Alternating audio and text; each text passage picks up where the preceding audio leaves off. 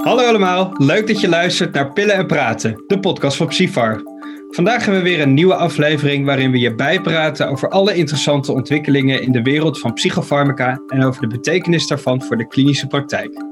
Mijn naam is Cisco van Veen en ik ben sinds deze maand kerstvers psychiater. Helaas zitten we vandaag weer op afstand uh, via videobellen vanwege alle coronamaatregelen. Maar via het beeldscherm zit ik hier samen met medisch journalist Rosalien Herderschee. Ja, nou de vierde Psyfar van dit jaar is alweer uit. En Cisco en ik hebben er allebei al doorheen gebladerd en een artikel uitgekozen dat we hier verder gaan bespreken. Ik ga het straks hebben over therapieresistente schizofrenie. Maar eerst is Cisco aan de beurt. Vertel Cisco, waar wil jij het vandaag over hebben? Nou, vandaag wil ik het graag hebben met jullie over kwijlen. Goh. Ja, ik weet het. Het is niet het meest verheven onderwerp uh, wat in onze podcast voorbij is gekomen. Bij mij roept het uh, vooral associaties op met uh, honden in het park of met baby's of zelfs kwelmuziek. Maar toch is het een belangrijk thema vandaag om langs te laten komen. Als je eens gaat googlen op kwijlen, zie je eigenlijk dat er verschillende medische termen voor gebruikt worden. En die ook wel wat gepaster zijn in een professionele setting. Uh, je komt speekselvloed tegen, hypersalivatie. Dat zijn woorden die wij ook in de psychiatrie meer gebruiken. Maar wat dacht je van termen als orale incontinentie of sialoreu? Jeetje, nooit van gehoord. nee, maar we zijn erg goed in nieuw jargon verzinnen voor uh, alledaagse dingen. In de brede medische setting kan speekselvloed uh, vooral voorkomen bij uh, de ziekte van Parkinson. En dat is dan meestal op basis van de slikfunctie die verminderd is. Maar je ziet het ook bijvoorbeeld na een beroerte of een uh, Belse parese bijvoorbeeld. Meer in het dagelijkse leven is speekselvloed een bekend verschijnsel bijvoorbeeld bij braken of bij het eten van scherp eten. Dus genoeg pepers en iedereen gaat vanzelf kwijlen. Ja, die ken ik wel. Maar waarom gaan wij het er nou vandaag over hebben in een podcast over psychofarmaca? Dat vraag jij je misschien af, uh, Roselien. Ja, daar ben ik wel benieuwd naar. Ja, nou, ik denk dat veel psychiaters, uh, zeker ook in de sociale psychiatrie of in de wat meer chronische psychiatrie, dit uh, in koor kunnen beantwoorden. Want speekselvloed is een bekende bijwerking van, inderdaad, clozapine. dus daar gaan we het vandaag over hebben. Speekselvloed bij clozapine. Oké. Dat doen we op basis van een mooi artikel van ziekenhuisapotheker Wai Hong Man, die in het Meander ziekenhuis in Amersfoort werkt. Uh, Dr. Man promoveerde in 2018 op clozapine, dus we kunnen gerust spreken van een uh, super-expert. En hij heeft een mooi overzicht geschreven van dit uh, nou, toch praktische, maar vervelende probleem. En vooral belangrijk gaat hij in zijn artikel erop in, wat kan je eraan doen? Nou, ik ben benieuwd. Hey, en, en eerst ben ik eigenlijk even benieuwd, zie jij dit vaak bij je patiënten? Ja, zeker. Je ziet het eigenlijk wel bij uh, verschillende patiënten die, die uh, allerlei antipsychotica gebruiken. Maar ik ken het inderdaad het allermeest bij clozapine. Daar is het eigenlijk in mijn gevoel meer regel dan uitzondering. En in het artikel lees ik ook terug dat dat wel klopt. Uh, de auteur noemt dat het bij 80 tot 90 procent van de patiënten voorkomt. Zo. bijna iedereen dus. En um, hij beschrijft ook dat het direct, meestal direct na start van de clozapine optreedt. Gelukkig kan het ook wel weer vanzelf wegtrekken bij, uh, bij een deel van deze patiënten, maar bij sommige patiënten houdt het dus wel aan. Hey, en nu klinkt speekselvloed niet direct als een heel ernstige bijwerking. Of zit ik er dan naast? Ja, dat, dat is typisch, uh, valt het in de categorie uh, onder ontkende vervelende problemen, denk ik, van uh, psychofarmaca. Het is niet de meest gevaarlijke bijwerking van clozapine. Als je dan aan een psychiater zou vragen waar moet je aan denken bij clozapine, zou denk ik de, uh, de meeste mensen aan, aan granulocytose denken, waarvoor je dus die eerste 18 weken dan ook lab moet prikken. Ja. Maar onderschat de speekselvloed niet. Het kan volgens mij vervelende medische bijwerkingen hebben, zoals tandvleesontsteking of andere mondinfecties. Maar het kan ook leiden tot slaapstoornissen. Uh, uh, omdat het met name in de nacht voorkomt. Dus een, ja, even plastisch gezegd, een kletsnat kussen wordt vaker dan genoemd. En dat is gewoon erg vervelend. Uh, ja. Maar het kan zelfs dus ook tot aspiratiepneumonieën leiden. Dus uh, wat een potentieel gevaarlijke complicatie kan zijn. Dus echt iets om zeker serieus te nemen. Op zichzelf wordt speekselvloed ook gewoon door patiënten benoemd als sociaal invaliderend. Um, en logisch gevolg daarvan is dus ook dat het kan leiden tot therapieontrouw. Dat mensen het gewoon erg vervelend vinden. Ja. Moeilijke is klinisch gezien uh, dat als je op clozapine uitkomt, je meestal al van alles hebt geprobeerd. Dus je hebt, uh, het is voor mensen natuurlijk met een psychose, dat zijn ook geen klachten nou, die, die, die je te lang wil laten bestaan, die je toch vaak wel wil behandelen. En dan is clozapine wel echt een uitstekend middel om te geven, omdat het gewoon een heel potent antipsychoticum is. Dus alles wat een beetje helpt, denk ik, om patiënten gewoon goed en stabiel en zonder te veel bijwerkingen op uh, clozapine goed ingesteld te houden, moeten we denk ik aangrijpen. En dus ook uh, moeten we goed kijken wat kan je doen tegen die vervelende bijwerkingen speekselvloed. Nou, mijn aandacht heb je. Hoe ontstaat het eigenlijk, zo'n overvloed aan speeksel? Ja, dus uh, zoals eigenlijk, uh, dat, dat legt ook de man ook mooi uit in zijn artikel. En uh, dit, zoals veel processen in het lichaam, eigenlijk alle processen in het lichaam, staat de speekselproductie ook onder invloed van het parasympathische en het sympathische zenuwstelsel. Uh, parasympathisch wordt dan via de muscarine-receptoren aangestuurd en sympathisch via de alpha- en beta-adrenoreceptoren. Dit zijn nou ook net met name die muscarine-receptoren, de receptoren waar clozapine op aangrijpt. Dus daar zit ook wel een idee van uh, waarom clozapine tot speekselvloed leidt. Um, maar het wordt ook wel beschreven als paradoxale bijwerking. Want um, nou, dit zullen veel mensen weten, maar een van de grote nadelen van clozapine, zeker bij ouderen, is dat het sterke anticholinerge eigenschappen heeft. En wat zie je bij anticholinerg werkende middelen over het algemeen? Toch meer een droge mond. Dus dat is uh, opvallend. Um, is ook niet sluitend antwoord te geven op waarom uh, clozapine nou geen droge mond, maar juist speekselvloed geeft. En um, er zijn een paar hypothesen voor. En dat heeft vooral te maken met welk type muscarine-receptor gebonden wordt uh, in welke verhouding.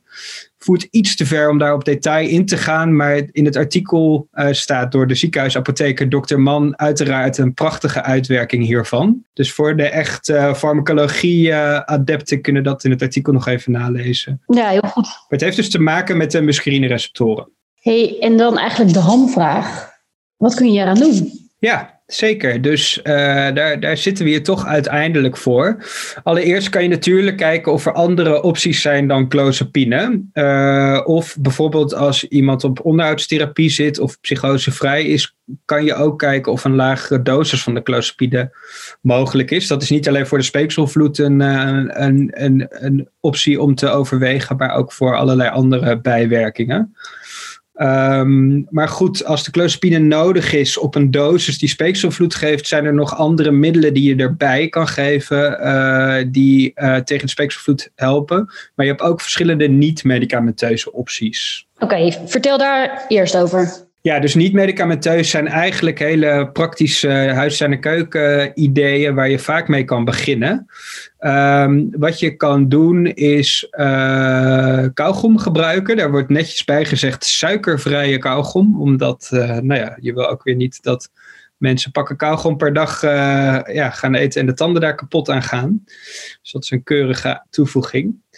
Uh, heel praktisch is dat je s'nachts een schone handdoek op het hoofdkussen kan plaatsen, uh, waardoor je minder last hebt van zo'n natte kussensloop. Maar dat is denk ik alleen een optie als het milde speekselvloed uh, betreft. En je kan ook een sliktraining volgen, dus via de KNO of uh, is dat vast te regelen. Dus dat je leert bewuster beter je speeksel weg te slikken. En dat kan dan ook helpen tegen te veel speeksel aanmaak. En als die niet-medicamenteuze opties nou niet voldoende werken, uh, wat ga je dan doen? Ja, Psyfar zou Psyfar niet zijn als ze hier geen mooi uh, uh, stappenplan voor hadden. Uh, en dat staat heel fijn uitgewerkt in dit uh, artikel. Uh, Dr. Mann heeft een systematische search gedaan naar deze vraag en uh, heeft alle studies mooi op een rijtje gezet, ook in een tabel. En grosso modo zijn er drie medicatiegroepen die op basis van bewijs werkzaam zijn gebleken voor het behandelen van speekselvloed bij clozapine. Eerste zijn de anticholinergica. De tweede groep zijn de benzamide-derivaten. De derde groep zijn de alpha-2-receptor-antagonisten. Laten we beginnen bij die eerste groep, de anticholinergica. Waarom zouden die werken tegen speekselvloed? Ja, eigenlijk dus een, uh, een logische keus. Uh, hè, eigenlijk waar we het net al even over hadden. Dus een bekende bijwerking van anticholinerg werkende middelen is dat ze leiden tot een droge mond. Dit kent elke psychiater, omdat veel van onze antidepressiva, en dan met name amitriptylide, sterk anticholinerg werkt. Um, maar vanwege het bijwerking- en risicoprofiel wordt, wordt amitriptyline dan weer net niet aangeraden tegen speekselvloed. Maar je hebt wel andere middelen die anticholinerg werken en die je kan gebruiken. En wat zijn dan daar voorbeelden van? Nou, de eerste keuze anticholinergicum, wat uh, eigenlijk je eerste stap zou moeten zijn als je medicamenteus de speekselvloed wil uh, uh, behandelen, is de glycopyronium. Als ik het echt even helemaal netjes zeg, dan is het het glycopyronium bromide. Dat is een hele mond vol, maar de psychiaters die ECT geven zullen dit wel kennen als een middel wat je ook bij ECT geeft. Je raadt het al, ook voor speekselvloed die na ECT kan voorkomen. Uh, grote voordeel van dit middel is dat de bloed-hersenbarrière niet passeert en dus geen centrale bijwerkingen heeft. Het kan gegeven worden in een drank- of pilmvorm en het heeft een relatief lange werkingstijd. Dus, dus het is een, wat dat betreft een farmacologisch uh, rustig middel, wat, wat ook hier wel voordelen heeft. Maar dan heb je ook nog wat andere anticholinergica. Daar ga ik wat sneller doorheen, want dat is echt wel het tweede of derde keus. Je hebt scopolamine, dat is een, uh, ook een geschikt middel. Het grote voordeel daarvan is dat je het als pleister kan plakken. Het nadeel is dat het een sederend effect heeft. Maar ja, stel je zit in een chronisch uh, psychotisch, uh, of je hebt te maken met patiënten die chronische psychoses hebben. Mogelijk zijn die wat geagiteerd, dan zou die sedatie misschien niet een heel groot probleem zijn, maar dat moet je wel goed bedenken in overleg met de patiënt of met naasten. Dan heb je ook nog bipirideen. Dit kennen wij natuurlijk uh, als een middel wat we veel geven bij acute dystonie of uh, uh, bij andere experimentale bijwerkingen. Um, nadelen hiervan zijn sedatie en ook dat het echt wel op termijn, zeker bij oudere uh, cognitieve stoornissen, kan geven. Is een goed vastgestelde vervelende bijwerking van dit middel. En dan als laatste wou ik nog atropine noemen. Het is ook een werkzaam anticholinergicum. Uh, Dr. Mann beschrijft wel dat hier echt minder onderzoek naar is gedaan. Uh, je kan dit onder de tong innemen, maar het is moeilijker te doseren. En een groot nadeel is dat het vaak tachycardie geeft. En niet onbelangrijk is dat het heel erg vies is. Oh, nee, dat lijkt me ook inderdaad niet onbelangrijk. Nee. Hey, en dan noemde je een tweede groep, de benzamide derivaten. Wat doen die? Ja, dat is een uh, verzamelnaam voor alle geneesmiddelen met, je raadt het al, de benzamide-structuur. Uh, een paar bekende voorbeelden zijn metoclopramide, maar ook ons uh, antipsychoticum amisopride en ook het middel mo moclobamide. Zo, daar viel ik even overheen. Mondvol. Ja, precies. Nou, die middelen hebben allemaal centraal werking op het dopamine- en serotonine receptoren en blijken dus ook effectief tegen speekselvloed voordeel van deze middelen is dat ze dus niet anticholinerg werken in, uh, in tegenstelling tot de anticholinergica. Groot nadeel is, en daar is hij weer, we hadden het er nog niet over gehad deze podcast, maar de QTC-tijd, daar is hij weer. Ja, dus dat hè, bekende bijwerking, de, de torsade de pointe, daar moet je goed op letten en dus veel ECG's maken. Uh, en dan bij, daarbij moet nog genoemd worden dat metoclopramide en amisopride als bijwerkingen kunnen hebben dat uh, het, het maligne neuroleptica-syndroom, wat, wat uh, echt gevaarlijk kan zijn, maar ook acute experimentale symptomen en tardieve dyskinesie. Dus eigenlijk is dit wel, denk ik, echt een tweede keusmiddel. En zo beschrijft dokter Mann het ook. Ehm, dus ja, daar ga je eigenlijk alleen maar naartoe als je een hele duidelijke reden hebt om geen anticholinergicum te geven. Ja, helder. Dan tot slot de derde groep, hè? Ja. Dus de alpha-2 receptoragonisten. Yes, je hebt goed opgelet. En dat is eigenlijk de groep middel uh, waar nog minst bekend over is. Uh, Dr. Mann beschrijft enkele case reports en een, een case serie die dit beschrijft als effectief. Dus daar kunnen we minder zeker over zijn dan de voorgaande middelen. Dus ja, daar kom je eigenlijk echt alleen maar uit. Uh, het is allemaal sowieso off-label, maar als deze twee andere groepen echt niet kunnen. en dan is het middel waar je dan aan denkt, is clonidine maar ja, het lastige is dat de bijwerkingen daarvan sterk overeenkomen met dat van clozapine. Dus, uh, en met name ook dat het sederend is. Dus uh, echt derde keus. Nou, al met al denk ik een heel mooi overzicht waar, we, of nou ja, waar jij ons zo doorheen ge, geloodst hebt. Ik kan me wel voorstellen dat onze luisteraars een beetje duizelt naar al die medicijngroepen en namen. Mm -hmm. Dus nog even als een behandelaar volgende week een patiënt tegenover zich heeft zitten die clozapine gebruikt en klachten heeft van speekselvloed. Wat moet er concreet gebeuren? Ja, dus, dus uh, er is een heel duidelijk stappenplan uh, in het artikel van Dr. Mann. Dat gaan we niet helemaal doorlopen, maar het is goed, goed om te noemen. Stap 1 is gewoon natuurlijk je diagnose goed stellen. Nu is dat niet heel complex, want het gaat om speekselvloed. Maar je hebt, uh, dat vond ik nog wel interessant om te zien, hier ook lijstjes voor die dus dat je een beetje kan kwantificeren hoe erg dat nou is. Een drooling list, dus toch ook weer die kwellijst. Uh, daar staat ook een voorbeeldje van in het artikel. Dus dat zou je kunnen gebruiken als je hier echt uh, helemaal uh, los op wil gaan. eerste stap is niet medicamenteuze behandelingen, dus het handdoek, de kauwgom of de sliktraining. Dan dus overwegen of die clozapine wat lager kan of dat je ander middel hebt ook even afwachten. Dus, dus kijken of die gewenning optreedt, is ook een verdedigbare optie. Uh, en dan kan je dus gaan kiezen, als je dan toch die, uh, met de patiënt erop uitkomt dat je een middel wil starten tussen deze die, drie groepen. Um, en dan zou ik dus uh, op basis van de individuele casus, denk ik, het beste bewijs is er voor anticholinergica. Maar ja, dan kan je dus ook kiezen voor die benzamide-derivaat of voor de uh, uh, amisopride uh, of die mocolamide. En daar dus ook goed de mogelijke bijwerkingen in de gaten houden. Precies, precies. Mooi. Nou, dan zijn we weer helemaal bijgepraat over de wonderenwereld van clozapine geïnduceerde speekselvloed. Ja, precies. Het is gewoon weer een nieuwe dag in de glamourwereld van de Psyfar podcast. Maar ik maak er een grapje over, maar laten we, dit, uh, laten we dit gewoon serieus nemen. En er is dus van alles aan te doen. Dus dat is mooi uh, om dit te zien. Zeker.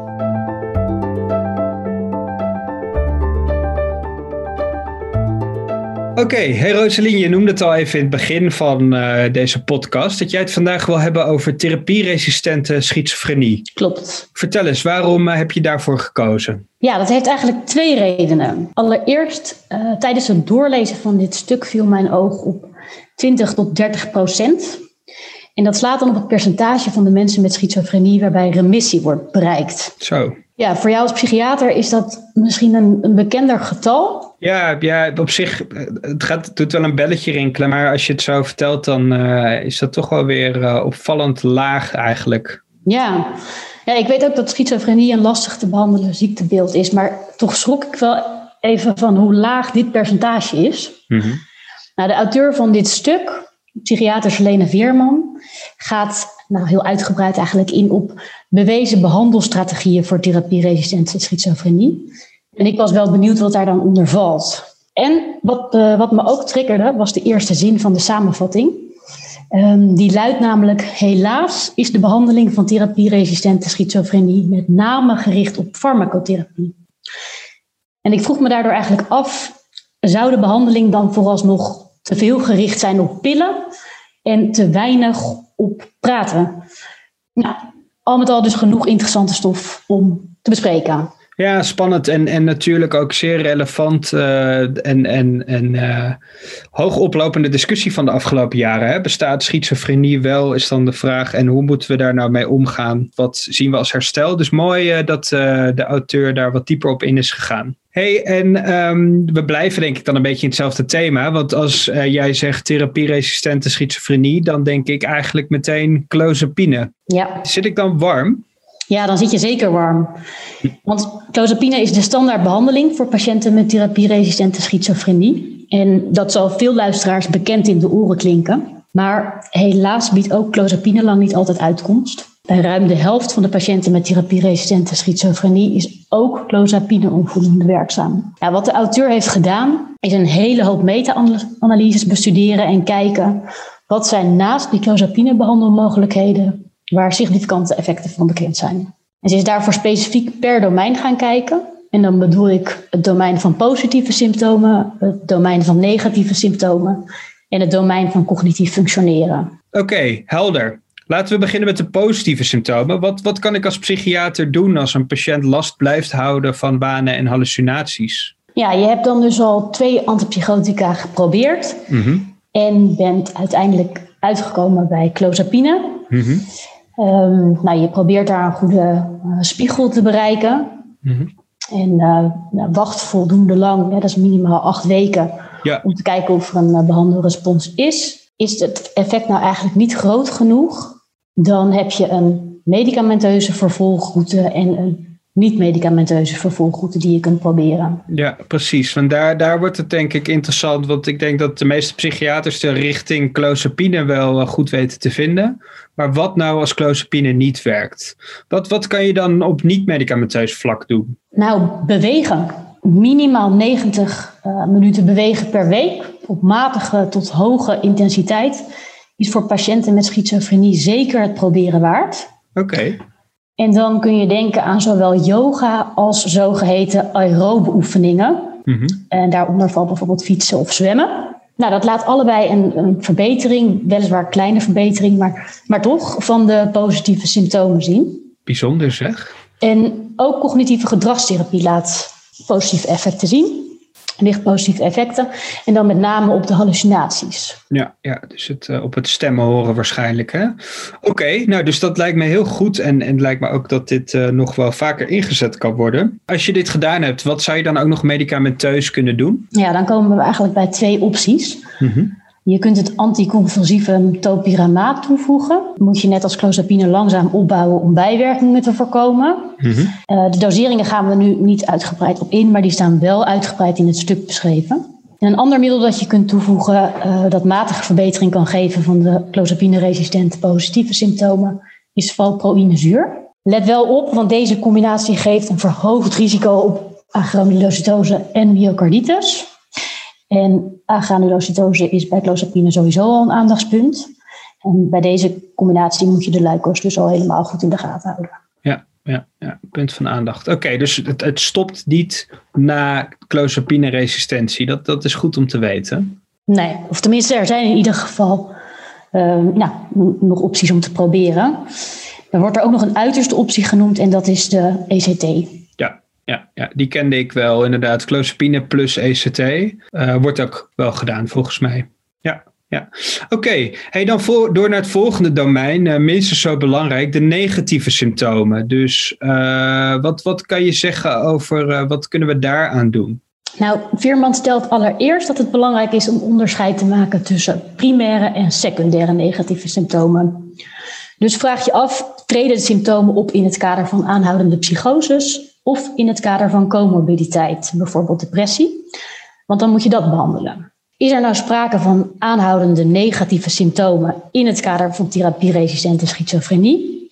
Dan komt opnieuw clozapine om de hoek kijken. En dan is het belangrijk om te vermelden, misschien jou ook niet onbekend, dat het vaak langer duurt voordat je het effect van clozapine ziet op negatieve symptomen dan op positieve symptomen. Hoe lang, uh, over hoe lang hebben we het dan ongeveer? Ja, dan kan je soms wel zes tot twaalf maanden verder zijn. Zo, dus niet, uh, niet... niet die acht weken. Geen paniekvoetbal, soms gewoon echt even wachten ja. wat daar gebeurt. Ja. Nou, kom je op een, een maximale dosering en heeft dit toch onvoldoende effect, dan zijn ook hier weer twee routes. Een niet-medicamenteuze en een medicamenteuze. Oké, okay, nou, begin eens met de niet-medicamenteuze. Muziek maken. Muziektherapie komt als veelbelovend uit de bus met matige tot grote effecten op negatieve symptomen. En uh, nou ja, ook hier, net als voor de uh, positieve symptomen, zijn positieve effecten op de negatieve symptomen te melden van uh, yoga en intensieve lichamelijke inspanning. Oké, okay, dus positieve effecten op de negatieve symptomen, naast de positieve symptomen.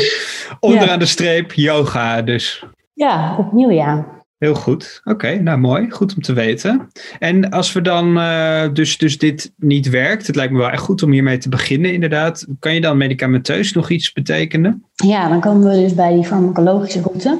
Je kunt dan allereerst een antidepressivum proberen toe te voegen aan de clozapine. Dat geldt als een veilige strategie, waarbij met name mirtazapine een positief effect lijkt te hebben op die negatieve symptomen. Een andere optie is aripiprazol bijstarten bij de clozapine. En dat lijkt als bijkomend voordeel te hebben dat het de metabole risicofactoren van clozapine vermindert. Nou, dan kan je ook topiramaat toevoegen um, om negatieve symptomen te verminderen. En tot slot uh, komen we uit bij memantine. Dat is geregistreerd voor matige tot ernstige dementie.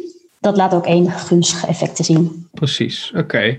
Dus ik hoor een paar middelen, maar met name ook die topiramaat zien we dus zowel voor de positieve als de negatieve symptomen een goed effect op. Ja klopt. Ja. Oké, en als laatste domein hadden we dan ook nog het cognitief functioneren. Dus uh, stel een patiënt heeft twee antipsychotica uh, geprobeerd, maar blijft toch echt nog wel veel last hebben van cognitieve klachten. Wat, wat zou de auteur dan adviseren? Ja, er zijn een paar strategieën proberen waard, al is er niet heel veel bewijs voor de effectiviteit. We lopen er toch even doorheen. Beginnende met yoga. Kijk eens. Geeft ook hier uh, nou, mogelijk positieve effecten. En dan is dat met name een kleine verbetering op het lange termijn geheugen bij schizofrenie. Ook andere manieren van sporten zijn het proberen waard. Uh, en je kunt denken aan neurocognitieve en sociaal-cognitieve training. Oké, dus een soort max geheugentrainer, maar dan waarschijnlijk wat intensiever. Dat denk ik, dat lijkt me ja. Ja, ja helder. Oké, nou op zich een logisch punt en daar is dus ook wel wat bewijs voor. Ja, maar wat ik al zei, het gaat wel om, uh, om, om lichte bewijsvoering hier. En farmacologisch kun je ook hier clozapine opstarten en um, daar eventueel memantine aan toevoegen. Oké, dus het, uh, we moeten de downward facing dog meer promoten als ik het allemaal zo hoor. Want ik hoor yoga dus vaak voorbij komen. Maar ook topiramaat heb je nu meerdere keren genoemd bij zowel positieve als negatieve symptomen. Dat, dat wist ik zelf nog niet. Maar ook uh, memantine noemde je eigenlijk bij de cognitieve en negatieve symptomen. Wat ik dan meteen denk, bovenop clozapine allemaal middelen starten polyfarmacie. Wordt dat, uh, is dat geen risico bij deze patiëntengroep? Ja, zeker. Ja, ook Veerman stelt dat polyfarmacie vaak voorkomt in de klinische praktijk. En dat het ook wel echt een, uh, een groot probleem is met de, alle bijwerkingen van dien. Er wordt vaak een hoop geprobeerd, um, terwijl dat niet altijd bij onvoldoende effect ook weer gestopt wordt. Dus dat leek me ook nog wel weer een handzame take-home message. Kijk regelmatig wat een patiënt allemaal slikt. En kijk dan ook kritisch of meer slikken ook echt tot beter effect leidt. Anders is het misschien beter een en ander af te bouwen. Nu is het natuurlijk voor mij als journalist uh, eigenlijk makkelijk praten. Het lijkt me als arts toch steeds een heel lastige afweging. Misschien kun jij nog iets zeggen over hoe jij dat ervaart? Ja, zeker. Dus, dus zeker bij chronisch psychotische klachten komt gewoon vaak machteloosheid om de hoek kijken. Het is gewoon heel naar voor de patiënt en, en voor alle naasten, maar ook voor de hulpverleners. Dus dan ga je toch dingen proberen. Wat mij wel helpt, denk ik, is een hele duidelijke evaluatietermijn afspreken en het echt ook uh, te zien als een proefbehandeling. Dus sowieso die bewegingsinterventies, dat, dat, dat ga ik echt meenemen. Dat moeten we gewoon vaker doen en nog meer op inzetten, ook als behandelteams. Maar als je stel, je zegt ik ga topiramaat erbij proberen, dat je echt een duidelijke afspraak ook in je agenda zet. We gaan het twee maanden proberen en na twee maanden hebben we weer een groot overleg om te kijken of dit werkt. Als het gewoon niet voldoende werkt, gewoon weer stoppen. Maar dat is moeilijk en polyfarmacie is vaak een uiting van machteloosheid, denk ik. Waar ik ook nog wel even benieuwd naar ben. Um, ik zei al in het begin dat ik er best wel van schrok. Die 20 tot 30 procent, of eigenlijk slechts 20 tot 30 procent van de patiënten waarbij dan remissie wordt bereikt. Ik kan me voorstellen dat dat zowel voor patiënten en naasten als voor behandelaars als jij heel frustrerend is. Je noemde net ook al even het woord uh, machteloos. Hoe ga je daarmee om met die frustratie? Ja, dat, dat is een uh, belangrijk punt. En ik denk dat met name de herstelbeweging hier uh, heel goed werk op doet. Dat zij eigenlijk een wat bredere visie introduceren van wat is psychisch lijden en ook wat is herstel hierin. Dus wanneer uh, zeg je dat een therapie succes is? Als je daar wat breder naar kijkt en ook wat meer naar de patiënt bevraagt van wat zijn voor jou nou belangrijke doelen, dan is er zelfs bij een hele chronisch psychotische populatie vaak echt nog wel winst te behalen, die uh, voor de patiënt heel belangrijk zijn, maar ook een beetje helpen om als naaste en ook als behandelteam gemotiveerd te blijven en uh, uh, nou toch bezig te blijven met hoe kunnen we het leven voor dit individu nou zo goed mogelijk maken. Dus daar, zijn, daar is een subtiele discussie over gaande, um, waarbij uh, je echt breder moet kijken dan, denk ik, alleen maar wat zijn de symptomen en ja. wat doen de pillen. Dus ja. dat uh, is mooi dat die, deze auteur die combinatie, die brug mooi slaat. Je moet en goed evidence-based, denk ik, kijken naar wat kunnen de pillen doen, dus symptomatisch herstel, maar daar, daar houdt het niet bij op. Goed, dat waren weer twee boeiende thema's. Uh, Cisco, wat is voor jou de belangrijkste klinische boodschap van het artikel dat jij las over de speekselvloed bij clozapine? Ja, het was, vooral een gedegen klinisch overzichtsartikel. Uh, ik, ik heb geleerd dat speekselvloed heel veel voorkomt bij clozapine gebruik. En ook voor mezelf wel dat je er echt actief naar moet vragen. Uh, omdat patiënten misschien die link zelf niet direct leggen. Um, daarbij zijn er dus verschillende opties om speekselvloed te behandelen. Te beginnen met wat praktische tips of het uh, stoppen of uh, veranderen van de clozapine. Maar als dat echt moet, dan zijn er dus ook weer verschillende opties om het wel te behandelen. Dus uh, nou, dat, dat gaat mij wel helpen. Ik voelde me daar soms wel een beetje uh, onthand in. En na het lezen van dit artikel heb ik dat toch wel echt minder. Nou, dat is toch mooi. Ja. En jij, Rosalien, wat is jouw belangrijkste boodschap na het lezen van jouw artikel? Ja, nou, ik realiseer me dat patiënten met schizofrenie helaas heel vaak therapieresistent zijn. En Vierman heeft een mooi overzicht gegeven van wat bewezen effectieve behandelstrategieën zijn hè, voor deze groep. Ze stelt ook dat er voor veel additionele strategieën eigenlijk minimaal bewijs is. Dus in wat we hebben besproken moeten we ook nou niet per se een heilige graal zien, maar hè, wel um, uh, nou, nieuwe richtingen. Een handzaam advies vond ik, evalueer niet alleen regelmatig wat je aan medicijnen kan opstarten, maar ook wat je eventueel kan stoppen. En wat ik dus interessant vond, is dat uh, niet-farmacologische interventies, waaronder yoga en muziektherapie, vaak niet lijken onder te doen voor de farmacologische interventies. Dat bewijst maar weer dat het belangrijk is om niet blind te staren op pillen, maar ook zeker te kijken naar praten, of in dit geval bewegen en muziek maken. Precies. Niet uh, eindeloos in die spreekkamer zitten, maar uh, erop uit. Zo is het. Fantastisch. Nou, dan zijn we hiermee ook gekomen bij het einde van deze aflevering van Pillen en Praten, de podcast van Psyfar. In de vierde Psyfar van dit jaar veel meer moois. Zoals een mooi artikel over nieuwe behandelmethoden van de postpartum depressie. En een interview met Claudie Bokting, hoogleraar klinische psychologie. Die vertelt over preventieve cognitieve therapie om terugval van depressie te voorkomen. We horen natuurlijk graag wat jullie van deze podcast vinden. Dit kan via het platform waarop je deze podcast luistert, maar ook via podcast.epsiver.nl. En je kan ons ook helpen door deze podcast een beoordeling te geven. Dat helpt anderen om hem te vinden. Tot de volgende keer. Hoi hoi.